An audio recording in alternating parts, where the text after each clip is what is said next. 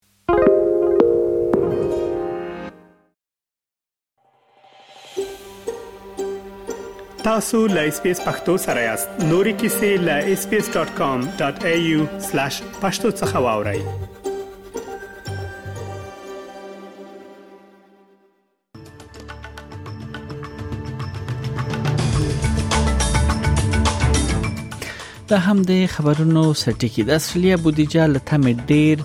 چې په خوا د اتمه کې کېدله چې سلور اشاریه 2 میلیارډ ډالر به ګټه ورسوي ول دغه خلاف دغه ګټه اوس شاوخوا یعنی 19 میلیارډ ډالر ته لوړه شوې ده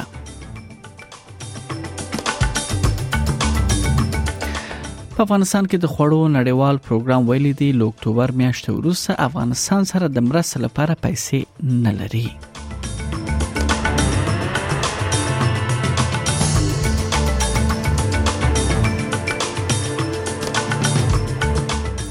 په استرالیا کې مالی کال پای ته ورسید او استرالیان کولای شي خپل ټاکس ریټرن وکړي ول هغه کسانو چې له شاوخوا اته څلوېښت زرو څخه تر یو لکو شپږ ویشت زرو ډالرو پورې دوی عاید د کال درلود هغوی به تقریبا چې هغوی لپاره 1500 ډالر د کال یا مالی کال پای کې هغوی ته ګټه رسیده دغه به هم پای ته ورسیږي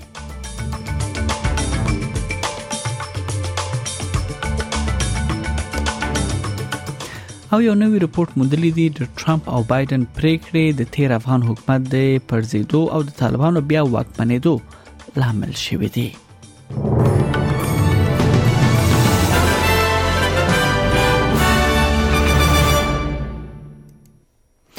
دا هم بشپړ خبرونه د استرالیا فدرالي بودیجه خپل پخوانیو اضافي وړاندیونو ماتولو په لار کې دی تمه کیږي چې 19 میلیارډ ډالر به په دغه بودیجه کې ګټه موجوده وي د 12 میاشتو څخه تر می پورې بودیجه 19 میلیارډ ډالر ګټه ترلاسه کړې ده یعنی دا بودیجه اوس له کسر څخه وتل ده ول دا شمیر بیا 2022 او 23 مالی کال لپاره 3.2 میلیارډ اټکل کېده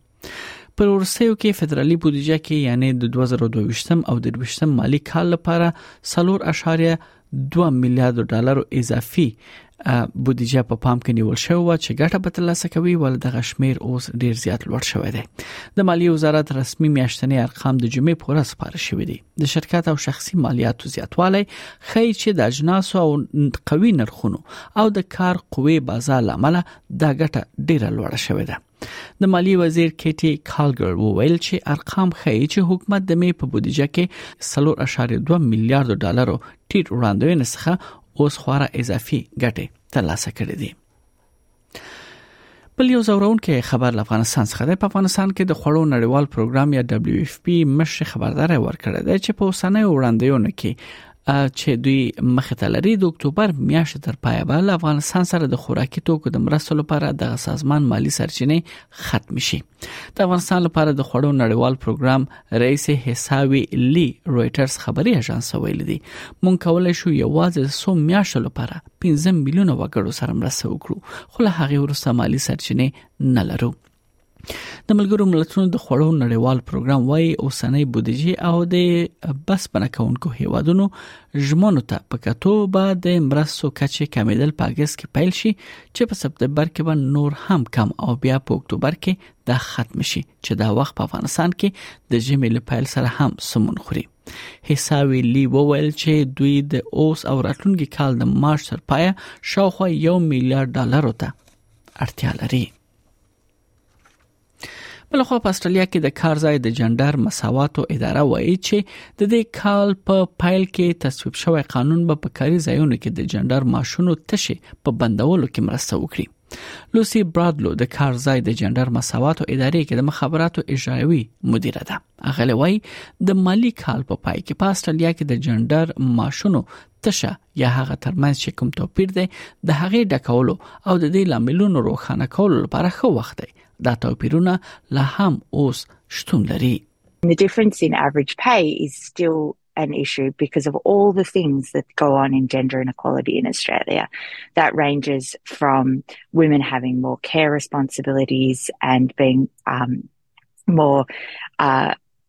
inclined or pressured to take on care responsibilities in the home and take on less work in the workplace to uh, women being more likely to go into lower paying roles within organizations or lower paying industries. And also, of course, just general bias in the workplace that means that women on average get paid less than men. په استرالیا کې مالی کال پای ته ورسید استرالیان اوس د دې وړ دي چې خپل ټاکس ریټرن وکړي او نوي معلومات ښیي چې ډیری د ژوند د بحران لګښت لامل سم د لاس د دې کولو په لټه کې دي معنی دا چې دوی به ټاکس ریټرن ته مخه کوي مګر سکهال د مالی اداګانو کې بدلونونه شتون لري د ټیټ څخه تر منځني عایداتو خلکو لپاره د ټاکس ریټرن یو مهمه برخه لمنځه تللې ده آفسټ د هر هغه چا لپاره لنډمهاله مالیه و چې تر یو لک شپږ ویش زره ډالر پورې دوی کلنۍ عاید درلود او د کسانو د 1500 تر ټولو لوی ګټه هم هم د خلکو ته رسیدله چې په 2021 او 22 کې یعنی هغه کسانو چې 38 او اته سلويخ زرو او نوي زرو ترمنځ دوی عاید د لود نو هغوی لپاره د غوي مالیه څخه 1500 ډالر کمیدله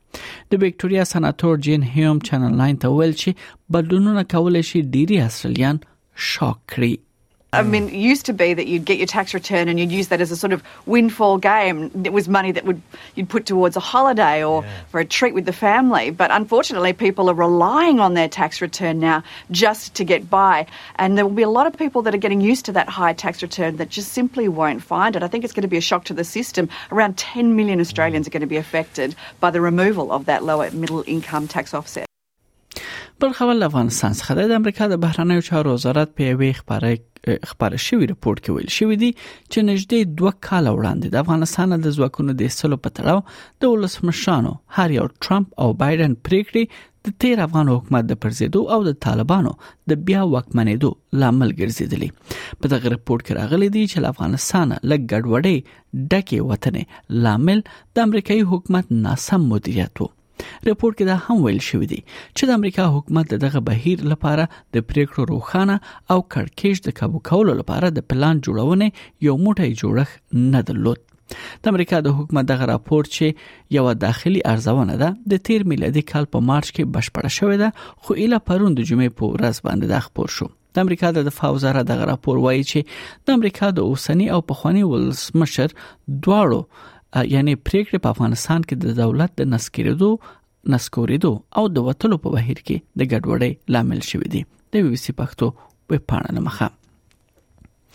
دلته په استرالیا کې لکه څنګه چې د حکومت لخوا د ماشومانو چایلډ کیر یا پالنې نوې سبسډي نن د جل... جولای یعنی لومړی نیټه څخه پیل کیږي په ټول هیواد کې د ماشومانو د پاملرنې یا چایلډ کیر فیسونه په هغه کې یعنی اوس لوړوالی لیدل کیږي د نیوز کارپ په کاغذونو کې دا نوي معلومات په ګوته شوې دي چې په هیواد کې د ماشومانو تر ټول ارزانه او قیمتي پاملرنې دا ټول یعنی په ګوته کړې دي بنیامین بلک د د کینډي کیر بنسټ ایښودونکو دی هغه دا یو شرکت دی چې د والدینو سره د ماشومان پاملرنې غوړه انتخابونو موندلو کې مرسته کوي هغه چینل 9 ته ویل چې د حکومت سبسډي یا هغه مرسته چې والدین لپاره د غوی د ماشومان او پاملرنې لپاره یا چایلډ کیر لپاره ورکول کیږي هغه د دې لامل شوی دی چې په چایلډ کیر مرکزونو کې نرخونه لوړ شي But look, generally you find that the closer you are to the city, uh, the more expensive it is. So we certainly find, some, uh, you know, prices in the inner suburbs are actually starting to edge up above the hourly fee cap of $164.70, which means that any further increases on top, parents are out of pocket for those costs. But there is some variance in between what childcare providers offer. So some will include everything from linen, nappies, food, whereas some don't include all of those services. بل خبر دا ده چې په افغان په استرالیا کې د درملتونونو تبه د ناروغانو لپاره د وړاندې شوی درملو لګښت کمولو لپاره د 300 میلیون ډالرو دولتي تمویل د وده برخه په توګه درملتونونه دغه یعنی درمل به لنن نیټه څخه زرګونو استرالیانو ته توزیع کوي جولای لومړی نیټه څخه د ټولنې درملتونونو ته تادیات به شاوخوا وسلنه زیات شي په دې معنی چې په لویو سیمو کې به په اوسط ډول په کال کې له یو سلوي زرو څخه ډیر اضافي دغه مرسته دوی تر لاسه کړي په سیمایزو سیمو کې درملتونونه به یو څه ډیر تر لاسه کړي په اوسر ډول یعنی 300 ډالر بل خو په سړنی کې په سلګونه الوتن لغوه شوې دي ځکه چې دلته ډیر سخت بادونه پل پسې دوهمه ورځ لپاره هوایي ډګر ته زیان رسولی دی او هوایي کوم چې الوتنه وی هغه بیا هم ځنډول شوې دي د غلوتنې پرون تر سلو پورې زیات وزنډول شوې او نن تر دې دمه د دې راپور ورکړ شوې دی چې تر ډیر شو پورې هم داخلي او هم بهرني الوتنې د ځنډول شوې دي درې مسافر روغتون ته وړل شوې دي او نه نور د جمعې پر ورځ له هونولو څخه سډنی ته پالوتنه کې د ګډوډۍ وروسته دوی یعنی روغتون ته وړل شوې دي ځکه چې کوم الوتکه چې په هوا کې و هغه ډیر خوځیدو لوجه د هغه مسافر چې دی هغه روغتي حالت خراب شوی و د استرالیا د هوایي ترافیک کنټرول یعنی برخه هغه وایي چې احتمال شتون لري چې یوازې یو رانډوي به د ورځې ورسره د قوي بادونو لامل دا یعنی فعال وي په زورګونه مسافر د نیو ساوث ولز خوانزي د رخصتیو په لومړی ورځ د نو الوتنو یعنی د مندلو په لټه کې دوی پاتې شوې دي او په هوایي ډګرونو کې هم زورګونه کسان دوی له یو بد حالت سره دوی اوس ایثار دي بل خو نن د استرالیا لګ ته لګ معاش په یو ساعت کې یعنی چې په خو یعنی ټیټ وو هغه اوس درویش اشاریه درویش ډالر ته لوړیږي دا یو له هغو اقداماتو څخه دی چې د فدرالي حکومت لخوا د استرالیانو سره د مرستې لپاره معرفي شوې ده چې د ژوند بحران سره یا د ژوند د بحران لګښت سره مرسته وکړي په دې کې یعنی 15.5